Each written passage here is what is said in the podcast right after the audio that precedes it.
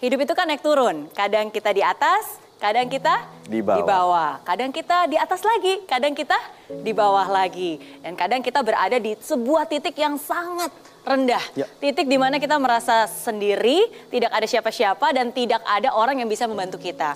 Uh, keterpurukan itu bisa terjadi dengan berbagai macam alasan. Kadang-kadang terpuruk karena usaha, terpuruk karena cita-cita yang hancur berantakan, terpuruk karena kondisi keuangan, juga terpuruk karena cinta.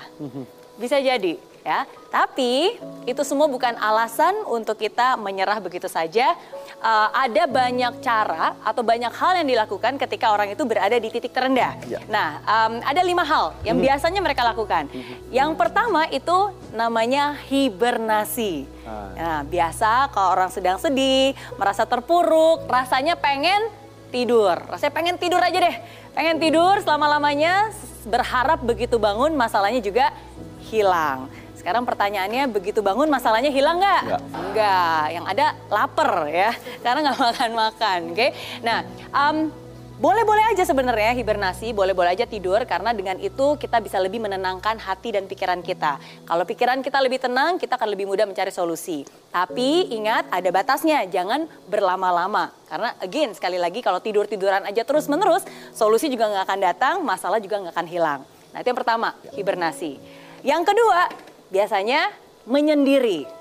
Nah, sekarang pertanyaannya boleh nggak menyendiri ketika kita lagi sedih, ketika kita berada di dalam titik terendah? Boleh, tentu saja boleh. Oke, Em, karena kadang kita juga butuh waktu untuk sendiri memutar kepala, ya, memutar otak untuk mencoba mencari solusi. Iya. Ya, boleh-boleh aja.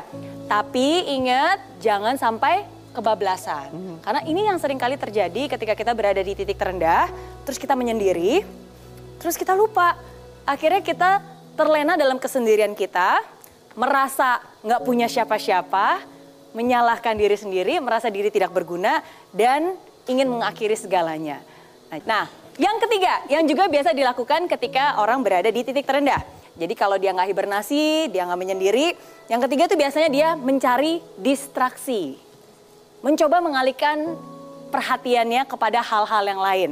Kayak aduh pusing nih mikirin hal ini, udah coba deh saya cari distraksi. Oke mungkin saya coba eh, lari untuk mengeluarkan tenaga, oke mencoba berenang, mencoba olahraga, mencoba makan mungkin, pelarian, shopping dan seterusnya. Itu yang ketiga. Tiga. Yang keempat, curhat, cari teman untuk cerita. Cari teman untuk mengeluarkan unek-unek. Oke. Eh, dan yang kelima, Nah yang kelima ini rada negatif ya, karena sering kali ketika kita berada di titik terendah, salah satu hal yang mungkin bisa dilakukan oleh orang lain adalah biasanya mereka jadi berontak.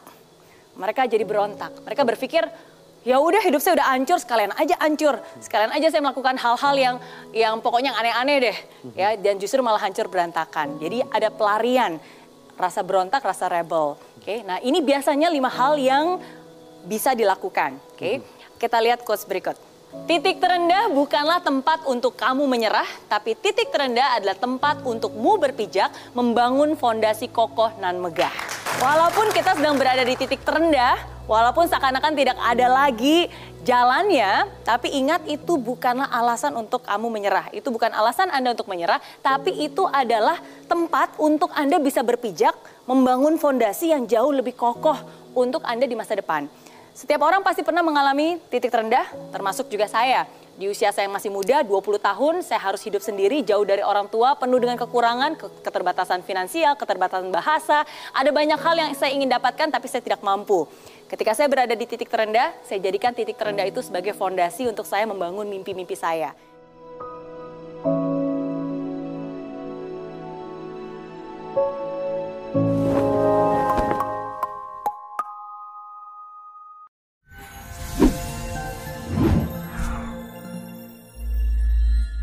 Aplikasi Mary Riana tersedia lengkap video-video YouTube terbaru saya, artikel yang up to date, post inspirasi, koleksi merchandise, workshop dan seminar yang bisa kamu dapatkan free dan download sekarang juga gratis.